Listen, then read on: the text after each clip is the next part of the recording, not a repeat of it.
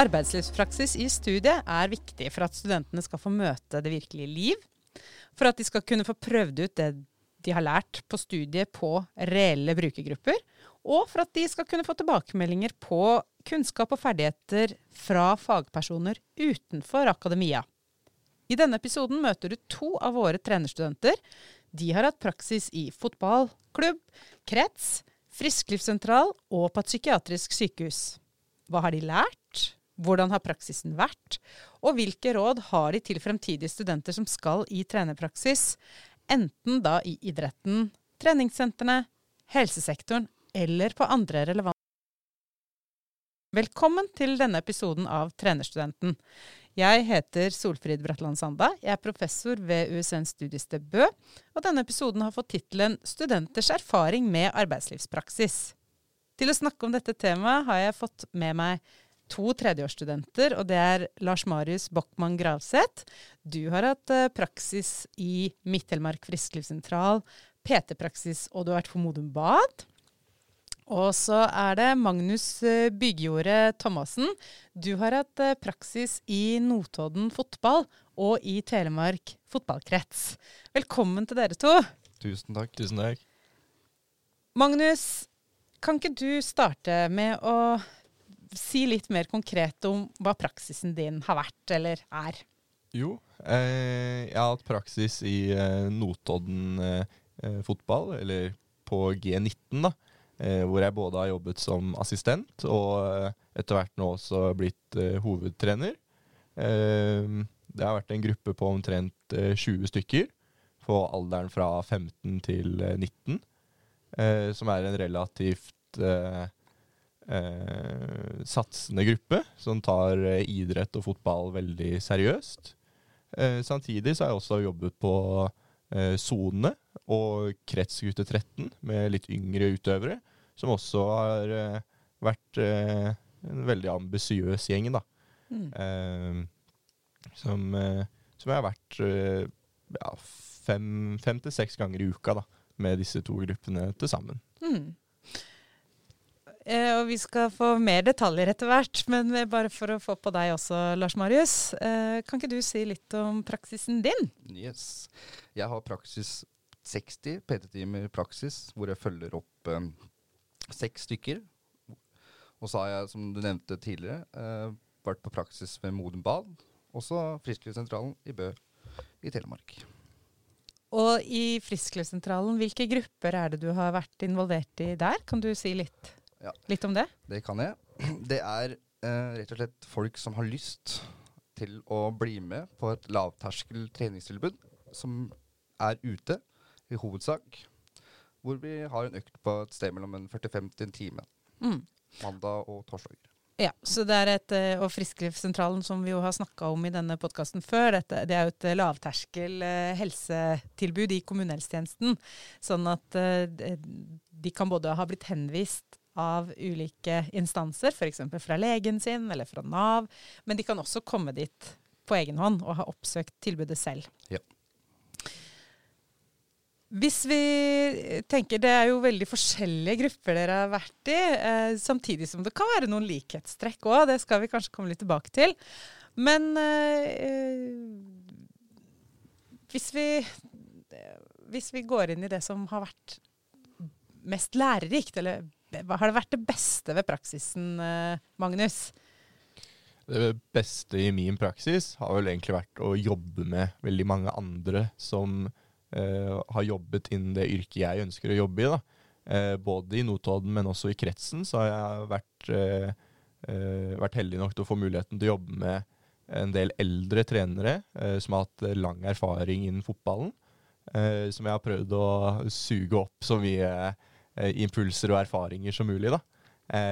og det har vært veldig positivt å møte så mange. Da Da plukker man opp veldig mye. Man får mm. mye gratis, egentlig. Og hvordan, eh, hvordan, har det vært å jobbe med de gruppene, altså de spesielle utøvergruppene? For du nevnte jo at det har vært alt fra 19-åringer på Eller altså et G19-lag, da, på klubbnivå, til eh, 13-åringer eh, på et mer regionalt lag. Mm. Kan du ikke si litt om det? Jo, det er eh, eh, egentlig to veldig forskjellige ting. Eh, samtidig som fotball er fotball. Men eh, å jobbe med 12-13-åringer og jobbe med 19-åringer eh, er ganske stor forskjell. Eh, man må snakke til dem på en veldig forskjellig måte, og man lærer at alle er individer, da, som man må håndtere og prate til og vise hensyn til da, på hver sin måte. Eh, så det er også at du går fra plutselig 19 til 13. Da, da må du egentlig omstille deg. Da. Mm. Det, det, plukker man mye opp etter hvert. Mm.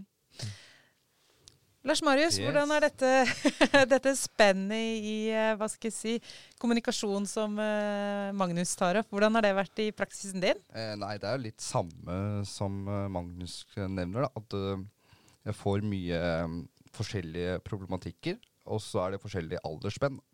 Så du må på en måte ta en annen pedagogisk vinkling i forhold til hvem du snakker til, og hvordan du snakker til dem, og hvordan vi sammen skal løse den problematikken som personen sitter i, da, eller kommer til meg med.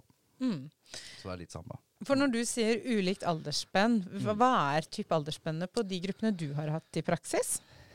Ja, um, For å ta det breieste, da, så hadde jeg en uh, time med, på Modum Bad hvor yngste var 18. Og uh, eldste var langt opp i 60-årene. Så det er forskjellige måter å snakke til de, da, for å si det ja. det er, eh, men det er voksne? Det er voksne. Ja. Fra 18 og oppover, egentlig. Mm. Og eh, mens du, Lars Mag Nei, unnskyld, Magnus, har vært i en eh, gruppe med satsende utøvere, mm. eh, så har du, uh, Lars Marius, vært i en gruppe med mer et sånt uh, mosjon, bredde, uh, helseperspektiv. Men hvordan kan du si litt om hvordan har jeg si, den fysiske formen vært, og hvordan har aktivitetserfaringen vært i de gruppene du har vært uh, inni? Uh, nei, uh, på Frisklivssentralen så er det egentlig bare folk som har lyst til å være med på et lavterskeltilbud som bare har lyst til å ja, bli slitne, rett og slett. Ja. Kjenne at kroppen får litt respons i kroppen, mm. og som bare er med fordi de syns det er sosialt. Men også fordi det ofte er veldig mange av de samme da, mm. som kommer hver mandag eller torsdag. Så mm. det blir litt med en fast gjeng. Eh, på modenbad så er det jo fem avdelinger, hvor det er både traumeavdeling, eh, spiseforstyrrelser, som du er eh, spesialist i, holdt jeg på å si. eh, og så er det um, litt sånn samlivsproblematikk med alvorlig der, da. Så mm. det er uh, mye problematikker og mye å lære fra alt. Mm. Og da eh, Det spennet med, som vi også har uh, snakka med, vi har hatt med Morten Heia fra Modum Bad i en tidligere episode her òg, og det det kan være et veldig stort sprik i den fysiske formen. Og det kan også være et stort sprik i hvilke erfaringer folk har med det å være aktive. Eh, så jeg vet ikke i hvilken grad du fikk kjenne på det da du var i praksis. Nei, bare for å si det. Morten Heier er en fantastisk helsesportpedagog eh, som jeg prøvde å lære mest mulig av. Eh, så han var faktisk en av mine veiledere på Monebad. Ja. Så nei, du merker stor forskjell, for han har jo spesialist på spiseforstyrrelser. Så å gå fra en spiseforstyrrelsesøkt til f.eks. depresjon, det er stor forskjell. Mm. For er, du må tilpasse på en helt annen måte på spis, som man sier på moderball, ja. spiseforstyrrelser, til depresjon. Så du må ta andre hensyn, og du må også ha ofte en ABCD-plan. Mm. Og det er individuelle tilpasninger som skjer, og det kan skje ting i økter som gjør at kanskje de må bli tatt ut mm. av annet helsepersonell som er på stedet, for du er alltid med miljøterapeuter eller sykepleiere. Mm. Og så må de tilpasses etter dagsform, og, ja, og så mm. følger de andre rammer da, som mm. blir lagt. Så disse treningslæreprinsippene som vi hele tida jobber etter, prinsipp om eh, individualisering ikke sant? og prinsipp om belastning og tilpasning, det er jo viktige, prinsipper. det er absolutt til stede. Ja, viktige prinsipper dere jobber med. Eh, men Magnus, det er jo en, man kan jo tenke seg at eh, i de gruppene du har jobba med, så kanskje er de hva skal jeg si, litt mer homogene med tanke på fysisk form. Men jeg tipper at det er jo en del ulike individuelle tilpasninger du også måtte gjort. Kan du ikke si litt om om hvilke erfaringer du har med det. Jo, eh, i hvert fall på gutter 19 i Notodden så er det jo eh, Man liker jo å si at når man kommer på banen, så er alle sammen like. Men alle sammen kommer fra forskjellige hjem og forskjellig bakgrunn og eh, har hver sin historie. da. Eh, og jo mer man jobber som trener, jo mer blir man jo kjent med, med det her og personen osv. Eh, og da begynner man jo å se at eh, eh, man pedagogisk da, må begynne å samhandle med hver enkelt spiller ganske forskjellig. da. Noen kan kanskje trenge ekstra positiv feedback, en klapp på skuldra, 'dette var bra, se der, se der'. Eh, mens andre må kanskje bli jekka litt ned igjen. da. Det er liksom litt mer den typen. Mm. Eh, det var kanskje den største forskjellen med å gå til en gruppe med så mange satsende spillere som legger så mye i det. da. At det, det går ikke an å bare si 'bra jobba, det var bra', Nei. for da, da sier de selv at uh, 'nei, det var ikke bra'. Så, så da måtte jeg begynne å omstille litt at uh, ja, du, du gjorde det bra, men du kunne gjort det enda Ikke bedre. da. Mens andre som kanskje er litt yngre, som akkurat har kommet inn i gruppa, da, disse 15-16-åringene, eh, må kanskje bygges mer opp igjen. da. Mm. Eh, I hvert fall når det er så stor aldersspenn. Mm. Eh, 19-åringene som ønsker å banke på døra til eh, A-laget, f.eks. Eh, trenger som oftest mer eh, Vil ha mer konkret eh, tilbakemelding på hva de skal bli bedre på. Mm. Eh, så, men når du har så mye fokus på prestasjon og at du vil bli bedre, så, så, så blir det ofte negativt. da, Hvis man Mm. ikke er veldig fokusert på hvordan kan vi gjøre det positive enda bedre. da. Mm. Ja, folk er veldig, veldig nøye på hvordan, hvordan du sier det, Mm. Mm. når du sier det, og hvordan du sier det. Mm. Så du må tenke hele tida, sånn som Magnus sier, pedagogisk hvordan Mm. du sier det, og når og hvem du sier det til. Fordi det, det kan bli veldig tatt veldig Hvis du f.eks. hadde tenkt at ah, det her var positivt vinkla fra min side, men så blir det en helt annen oppfatning Mm. fra f.eks. hans ene utøver kontra Mm. en annen. Mm. Så det, men du må kjenne gruppa, og det gjør du etter hvert. Mm. Og sånn er det jo litt, eh, i hvert fall for min del som jobber med en gruppe, da, på mm. nesten alltid 15-20 stykker, så blir veldig mange av tilbakemeldingene foran alle de andre. Eh, så vi har prata mye om å lage en utviklingskultur som er Mm. fokusert på oppgaver. da. Mm. Eh, og, og selv om vi teller eh, mål osv., så, videre, så eh, har vi begynt å få alle til å bli OK med å få tilbakemeldinger for, foran alle andre. da. Mm. Eh, men så er det fortsatt noen som syns det er ubehagelig. Mm. Eh, eh, og da må man være litt mer nøye på å kanskje ta de rundt skuldra, ta de litt til side, og så forklare litt eh, roligere til de. da. Mm. Eh, det er veldig forskjellig hvordan folk reagerer på det, egentlig. Og det jeg syns dere illustrerer veldig godt, er jo nettopp den viktigheten av at vi har en kompetanse eh, som gjør at vi kan ivareta og kommunisere med de ulike, enten det er utøvere eller brukere, på deres nivå, da, eller at vi kan møte de på deres behov. For det er jo som dere sier at noen har behov for å bli møtt på den og den måten, andre har behov for å bli møtt på en annen måte. Da er det jo viktig at vi har den kompetansen som gjør at vi kan tilpasse oss det. er viktig. Og det er kanskje noe dere da har fått jobba litt med i praksis, høres det ut som, da.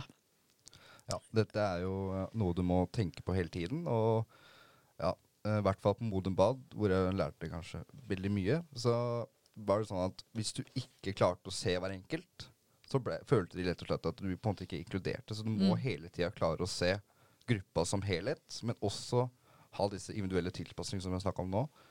Og si at OK, du må gjøre det fordi det passer best for deg, innafor de rammene som allerede er lagt. Mm.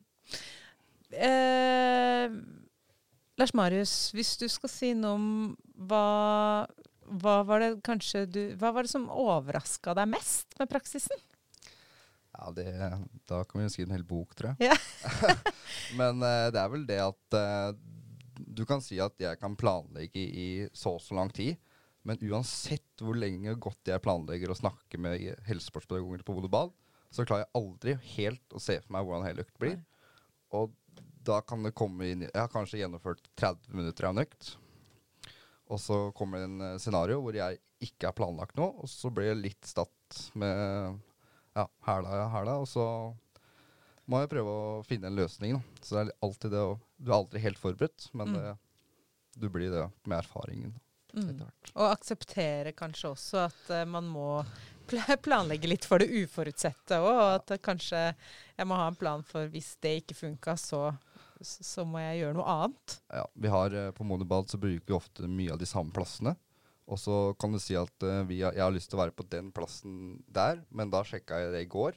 Og så skal jeg ha, skal jeg ha økt der i morgen. Men uh, så kommer jeg klokka åtte på Vikersund og sier nei, søren, der er ikke mulig. Så da må Nei. du hele tida jakte gode plasser for Mm. å få fram det du skal ha, og Mm. ha mulighet til det. da. Er det et sånt eh, Hva skal jeg si Det uforutsette, er det noe du også har kjent litt på i praksis, eller Magnus? Uh, ja, det er det veldig, for å si det sånn. Uh, plutselig så er det noen som ikke møter opp, eller plutselig noen som uh, plutselig reagerer på en helt annen måte enn det du har forutsett, da, ikke sant? Eller har et eller annet som har skjedd, da. Og da blir det veldig mye annerledes, og da må man tilpasse seg det, da.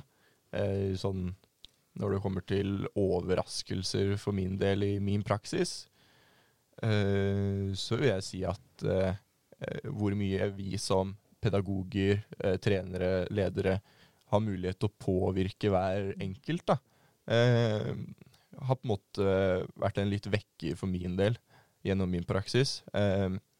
Man tenker jo at dette er eh, 20 stykker som lever sitt liv og eh, bestemmer litt sånn som de vil, men eh, man har faktisk ganske mye rom og mulighet til Mm. å hjelpe og påvirke hverdagen til hver enkelt. Da. Eh, I hvert fall for meg som har fire til fem eh, ganger i uka med nesten to timer med de. Mm. Hvis man er positiv, er frampå, eh, er tilbydende, da, så eh, kan man eh, gjøre mye da, for veldig mange. Mm. Eh, og det syns jeg har vært en veldig positiv opplevelse også, da. Og det du trekker fram her, og det tenker jeg jo gjelder i egentlig alle arenaer som vi holder på med fysisk aktivitet og idrett og, og trening, at vi kan eh, Vi blir ikke bare viktige fagpersoner, men særlig hvis vi jobber med barn og unge eller andre sårbare grupper, grupper som kanskje har opplevd veldig mye ja, avvisning, eller eh, altså, som ikke har hatt det så greit, da, så kan vi også bli noen veldig viktige voksenpersoner. Og viktige rollemodeller og viktige, trygge voksne. Eh, og, og det er også en del av rollen vår, da. Det er det jeg ja. mm, Det er det jeg tror er viktig. At du, det er som mange sier, du har en utøver i kanskje 90 minutter da, i løpet av en mandag, og så går han av feltet. Og så må du tenke at ok, nå er han ikke en fotballspiller, nå er det en unge eller en Mm. ungdom. Og så Mm. må du tenke at det er ikke bare en fotballspiller han skal bli, eller har ønske om å bli. Det er faktisk Han skal vokse opp og føle trygghet på banen, og trygghet med de folk han har rundt seg.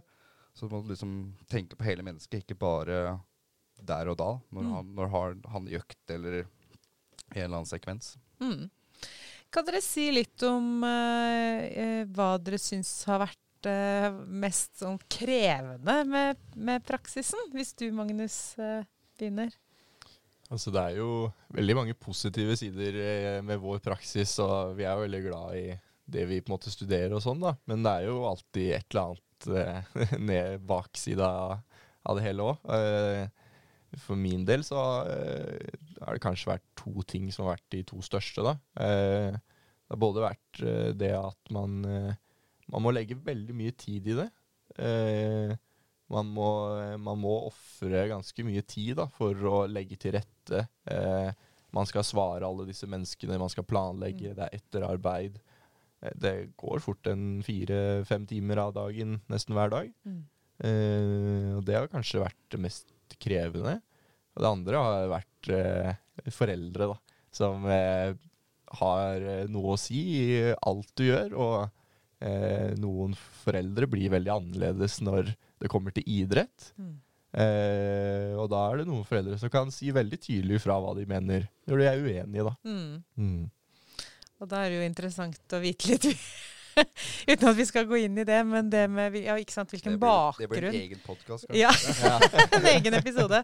Hvordan håndtere foreldre. Ja, sånn blir det alltid. Eh, ja, Sånn er det på alle idrettsplasser i hele Norge, tror jeg. ja. Men det- Men det jeg tenker er viktig da, er jo eh, det, det har vi også diskutert litt i, i studiet, ikke sant? så det er jo ikke nytt for dere, det. Men, men de vi diskuterer med, hvilken fagkompetanse har de? Eh, er de på en måte eh, fagkompetente på linje med oss, eller er det, er det mer dedikerte eh, ildsjeler som, som har eh, en sånn type erfaringsbasert kunnskap, eller har bare hørt og snakka med noen andre, mens vi egentlig sitter på den mer forskningsbaserte kunnskapen, og, og, og hvordan vi da eh, håndterer det, og hvordan vi kan også drive kunnskapsformidling. eh, i en sånn situasjon, det er, det er krevende å lære seg, men, uh, men det er mulig. Mm. Lars Marius, hva tenker, hva tenker, du har vært det mest krevende i, i praksisen? Eh, nei, det er jo litt det uh, samme som egentlig Magnus sitter her og sier. da, at uh, du skal kanskje ha en økt på ja, Modenbad har to ganger 75 minutter med økt. Uh, ja, i uka. I mm. ja. Mm. Så alle, alle, grupper får to ganger 75 minutter. Men så er det Ja, du skal ha økt i 75 minutter, men du må søren meg planlegge alt og tenke på alle scenarioer, så du sitter kanskje gjerne kvelden før, da. Hvis du skal ut på tirsdag, sitter du ofte ettermiddagen, eh, kvelden eh, mandag kveld og tenker på scenarioer og hva du har lyst til å finne på, og hva du må tilpasse sånn, da. Mm. Så det er liksom oppvekke hvor mye du faktisk legger i av krefter og sånn. Mm. Men så kan det plutselig komme tirsdag morgen, og så får du en bruker eller en pasient eller et eller annet som sier at du, jeg kan ikke gjøre det fordi det har skjedd et eller annet, eller mm. det har skjedd noe personlig som gjør at jeg ikke kan gjøre det. Og ok, da har jeg ikke 20 stykker lenger, da. Da Nei. må vi ja. snu om huet. mm. Og da sitter du der med ja, en plan, og så sånn Nei, det får ikke gjort det. Fordi mm. ja, du har ikke de rammene lenger. Mm. Det er det som er mest krevende, tror jeg. Ja. Og så er det jo litt som vi snakka om før vi trykka på play her, at uh, i de rollene vi har, så kan vi veldig fort Altså hvis vi, hvis vi har slurva litt med kunnskapen og planlegginga, så blir vi veldig fort avslørt. Uh, at, uh, at, vi ikke har den fagkunnskapen vi utgir oss for å ha. men hvis, hvis vi faktisk har den fagkunnskapen og klarer å formidle den eh, godt og nyansert til både utøvere og til brukere, men også til foreldre, så er vi jo i en posisjon hvor vi kan få enormt mye troverdighet og eh, innflytelse. Du sitter med utrolig mye makt. Ja, faktisk. Og kan påvirke dem mye. Mm. Mm. Så det er også en sånn fin ting å erfare da, når man er i praksis som student. Eh, Eh, Magnus, eh, dere som har fordypningsidrett, har jo jobba litt sånn eh, ukentlige møter eh, i studentgruppa også, for å diskutere hverandres praksiser. Hvordan, eh, hvordan, har det å kunne diskutere og reflektere over egen eh, praksis sammen med medstudenter vært? Ja, altså vi mennesker er jo fort vane, hva skal jeg si, vanemennesker. At vi går i vanene våre, og så blir vi litt vant til det, og så tenker vi ikke så mye over det. Uh, og eh, når man tar fordypningsidrett, så er alle trenere i alle forskjellige idretter uh, med i en felles klasse. Uh, og der har vi alt fra crossfit, turning, ski, alt mulig. hvor vi samles og diskuterer forskjellige ting. Da. og det har vært kanskje noe av det viktigste og mest positive med skolegangen. da. Eh, at man eh, får eh, fortalt om forskjellige hendelser, og så er det veldig ofte noen som har opplevd de samme mm. hendelsene. Mm. og en time på skolen kan fort bare bli brukt til at vi diskuterer og prater hvordan vi kunne løst denne hendelsen. Mm. Vi har jo hatt eh, trenere i klassen som har vært assistenter, f.eks., og følt at eh, spilleren ikke hører på deg med samme troverdighet som assistent, f.eks. Og da har vi diskutert og prata ok, Åssen er samspillet med hovedtrener? Åssen er dialogen med spillerne? Eh, er det noen som har opplevd dette tidligere? Eh, og da får man eh, veldig mye ut av det, da. og da, da, utvikler man seg som trener. Og da er det ikke så viktig om du driver med turning eller ski eller håndball eller hva du driver med, da. For det er eh, trenerrollen mm. som vi diskuterer. Mm. Mm. Og der er det, som du sier, veldig, og det snakka vi jo om innledningsvis her, at det er veldig mange fellestrekk. Uavhengig av hvilke grupper, om det er uh, satsende utøvere, eller om det er uh, personer som er til behandling for uh, ulike lidelser, eller, eller, om det er barn, eller om det er eldre, så er det veldig mange felles ting i selve trenerrollen da, som vi kan lære mye av å høre, høre på hverandre. Eh, dere har jo også eh, i praksisen jobba litt med spesifikke målsetninger. Eh, Lars Marius, kan du si litt om hva, var- hva var din målsetning, og hva var din problemstilling inn i praksis? Eh, nei, jeg hadde jo lagt et teorigrunnlag før jeg kom ut, og hadde lyst til å se på litt sånn pedagogisk vinkling, og hvordan de klarte å motiver rundt motivasjon, da, og motivasjonsteorier og selvbestemmelsesteorien. Mm. Og litt hvordan man klarer å påvirke det, og hvordan man legger opp til mestring, og litt ja, hvordan man dekker til de tre psykologiske behovene. Ja, Mm. litt spesifikt inn rett på det. Mm. Hvordan, eh, hvordan syns du at du fikk jobba med det i praksis? Eh, det gikk i mye observasjon. Eh, smålig deltakelse også, men også fikk jeg ansvar for frekvenser innad i øktene, eller så fikk jeg ansvar for fulle økter. Da. Mm. Hvor du spesifikt kunne ha fokus på ja, fikk, akkurat disse tingene? eh, ja, jeg fikk eh, legge opp økter da, etter at eh, Etter en sånn veiledning med Morten Heia eller Mm. de som er der. Og så mm, fikk du bare legge opp en plan, og så måtte du liksom forsvare det, og så fikk du måtte mm, klare å se hvordan du klarte å gjøre det, da. Mm. Mm. så Hva- Ja, hva er din problemstilling, Magnus? Eh, min problemstilling eh, var at vi skulle jobbe med, eller spesifikt jeg skulle jobbe med treningsplanlegging eh, og et årshjul. Både periodeplan og årsplan og øktplan. Og systematisere arbeidet. da. Eh, at man ikke bare møter opp og så I dag skal jeg jobbe med det. Eh, ja, at jeg jobber systematisk over tid da, med, med et målsetning. Mm. Så for eksempel jeg hadde at uh, utøverne mine skulle forbedre seg i uh, forsvar, da, i fotball. Uh, for det mente jeg at der hadde de mye å gå på. Og da bruke mye av skoletiden min da, til å planlegge det. Sånn skal det være. Og så gå ut på felt og, og prøve å få det til, da, egentlig.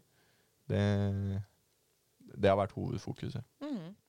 Hvordan syns du at du har fått uh, jobba med det? Det har vært mye prøving og feiling.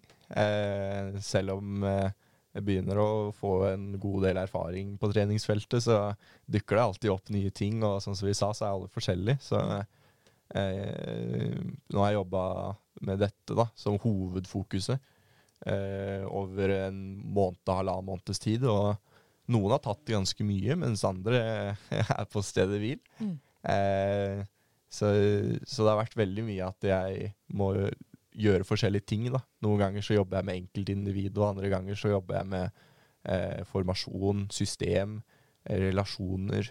Eh, det har vært veldig mye prating, egentlig. da. Mm. Eh, hva tenker du er riktig her? Nei, jeg syns vi skal gjøre sånn og sånn. Mm. Ja, ok, men hva om du hadde gjort sånn, da?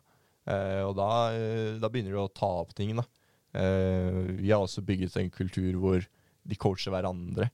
Eh, så det er ofte hvis en eh, lar mannen sin gå, da, og så scorer han, så får han høre at eh, der skulle du gjort sånn. Ja, Sånn skal, sånn skal det være. ja, så Ja, det er det spillerne som, eh, Mm. spillerne som gir tilbakemelding til hverandre. Mm, Mm. Veldig ofte så kan jeg bare si, eh, når vi har pause i spillet, da, eller pause i en situasjonsøvelse, så kan jeg si dere går sammen. Ja. Og så prater de sammen. Eh, og så kan jeg gå bort ikke si noe som helst. I starten så stoppa de opp når jeg kom bort, Ja. for da skulle jeg si noe, trodde de. Og så sier jeg nei, nei, bare prat i vei, dere. Ja. Og så bare hører jeg at uh, ja, vi må passe på det rommet, og der er det farligst, og du må plukke opp han når han kommer der. Uh, og da kan jeg bare gi tommel opp og gå videre til neste gruppe. Eh, for da bare kontrollerer jeg at de snakker om det vi har snakka om, da. Og det kan vi når jeg har vært veldig tydelig på hva vi skal jobbe med. Mm. Og når de får høre det fra andre, så lærer både han som sier det, for han må forklare det og tenke gjennom det, men også de som hører det av han som står ved siden av deg på banen. Da, eh, da, eh, da får du en flytende læring hele tiden. Mm. Det tror jeg det er veldig viktig, da. Det som Mm. Magnus sier, at du er veldig bevisst på egen læring. Og ja, nå spesifikt inn med fotball. Da. At du hele tida er bevisst. Og hvorfor gjør du det? Hvorfor gjør du det? Hvorfor kunne du ikke sant? Mm. Hele tida bare bevisst på valg og sånne ting. Mm. Kjempelæring. Kjempelæring. Mm. Mm. Og det er jo noe av det vi også er litt opptatt av. Det har dere sikkert merka. At vi er veldig opptatt av at dere skal klare å forsvare eller begrunne. Ja, hvorfor gjør du det, hvorfor gjør du det? Og hele tida kunne ta de velbegrunna valga. Fordi ofte så står vi jo i situasjoner hvor ja, nei, vi kunne, vi kunne løst dette på flere måter. Men jeg valgte å gjøre det på den måten. Og ja, hvorfor gjorde du det? Jo, det har jeg en god forklaring på, eller det har jeg en god begrunnelse på. Da er det alltid mye lettere å stå og forsvare det i etterkant også. Hvis vi skal uh, forsøke å avrunde litt her, så er det jo fint uh, nå når dere snart er ferdig med bachelorstudiet. Hva, hvilke uh, erfaringer vil dere overføre, eller hvilke råd vil dere gi til de studentene som kommer etter dere, med tanke på da spesielt dette med valg av praksis? Vi er jo litt på den tanken om at du må være ganske bevisst på uh, hva du vil, uh, hvor du vil, og gjerne på plasser du kunne tenkt deg å jobbe. da. Og så gjerne være litt på, uh, litt framoverlent i skoa, og så prøve å liksom forhøre seg, høre, forhøre seg ganske tidlig i forløpet. da. Mm. I forhold til tredje året, hvor du skal ta et ganske jeg vil si, ganske viktig valg. Mm. For du skal tross alt være der i tre uker. Mm. Så du må tenke nøye gjennom hva du vil. Mm. Og så må du kanskje spesifikt sette ned og se på hva du vil se på når du er der. For mm. det kan spare deg for utrolig mye tid. Utrolig mye tid. Mm. Ja, jeg, sånn som Lars Marius sier, så er jeg veldig enig. Det, praksisen er kanskje noe av det viktigste gjennom hele studiet. Eh, å være nøye i valget av det, og være litt ambisiøs, da. Og tørre å eh, sikte der man eh, virkelig har lyst til å være, og være litt frampå, sende mail, ringe, møte opp. Og, eh, og, og, virkelig jobbe der man har lyst til å jobbe. Mm. Eh, det tror jeg er kjempeviktig, for da får man så veldig mye mer ut av det. Mm. Eh, og så, når man først er der, gjøre så mye som mulig ut av det som man kan. For, møte, opp, møte, opp, tidlig. Ja, ja. Møte, opp, møte, opp, tre timer før, og være den siste som reiser derfra. og da, da, gir du et godt uh, inntrykk også, som gjør at du eh, har flere muligheter etter praksis også. Absolutt. Og du kan få en god attest fra der du har vært. Ja. Kan ta med deg videre. Absolutt. Det er et veldig viktig poeng at uh, gjør du en god figur i praksis, så er det den beste referansen du kan få for fremtidige arbeidsgivere. Men du kan jo kanskje også komme i en situasjon der de vil ønske å ansette deg, fordi du tenker at uh, men uh, dette er jo ferdigheter og kunnskap og kompetanse og personlig egnethet som vi ønsker inn i vår gruppe. Så det er, å kunne bruke praksisen sånn, det er veldig lurt, tenker vi også. Mm. Mm. Lars Marius og Magnus, tusen takk for at dere tok dere tida til å komme hit og fortelle litt om deres erfaringer med det å ha praksis. Og så har jeg bare lyst til å si lykke til med innspurt på praksis og bacheloroppgaver som dere holder på med nå. Tusen takk. Tusen takk, takk for at dere kom. Tusen takk. takk for at dere kom, ja. ja. og til dere som lytter, vi høres.